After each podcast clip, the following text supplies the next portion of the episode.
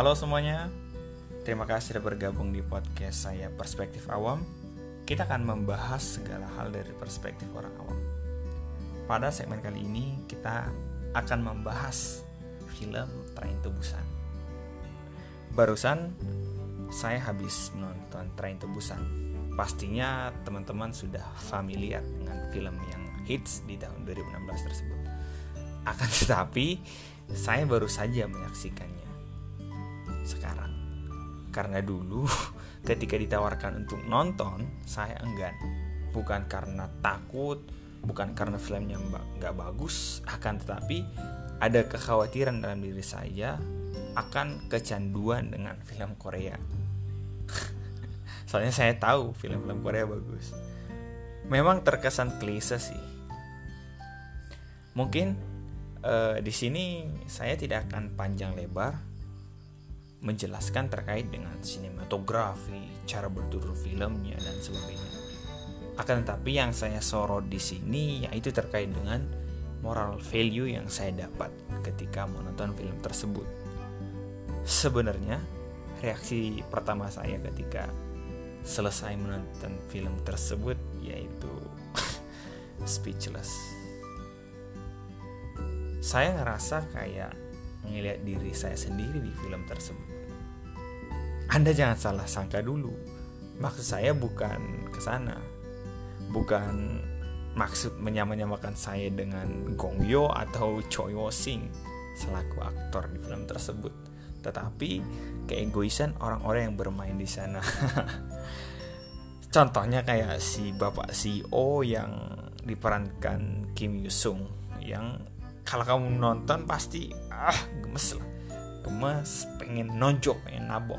Sampai-sampai si bapak anak itu nonjok. Terus habis itu si ayah si anak juga awalnya sangat menggemaskan juga pengen ditabok.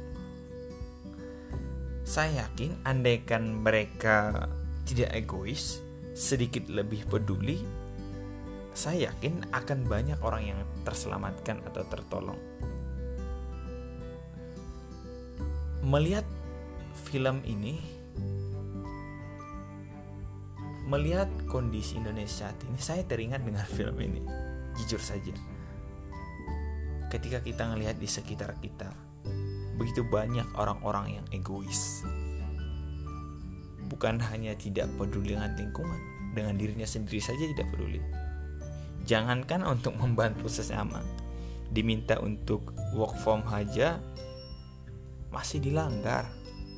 Iya, yang punya uang untuk keluar Anda, yang punya uang untuk mudik Anda, tetapi orang-orang yang terancam ketika Anda melakukan perbuatan tersebut bukan hanya Anda, tetapi banyak pihak yang terancam keselamatannya.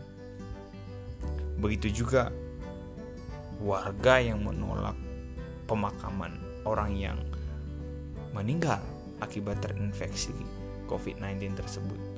Subhanallah, astagfirullah, naudzubillah. Sadisnya minta ampun. Orang sudah kehilangan keluarga. Ketika meninggal juga tapi stigma, mayatnya tidak diterima. Saya yakin kena virus itu bukan keinginannya dia, bukan cuma dia yang bisa kena virus kita juga bisa. Tapi kalau misalkan kita kena terus nanti mayat kita nggak diterima kita mau bilang apa? Innalillah betapa kejamnya kita. Ya mungkin kita harus lebih sadar kita manusia makhluk sosial zone politikon kita mau makan mau belanja ya harus ada orang lain. Kita nggak bisa hidup sendiri ya mungkin saya tidak ingin panjang lebar.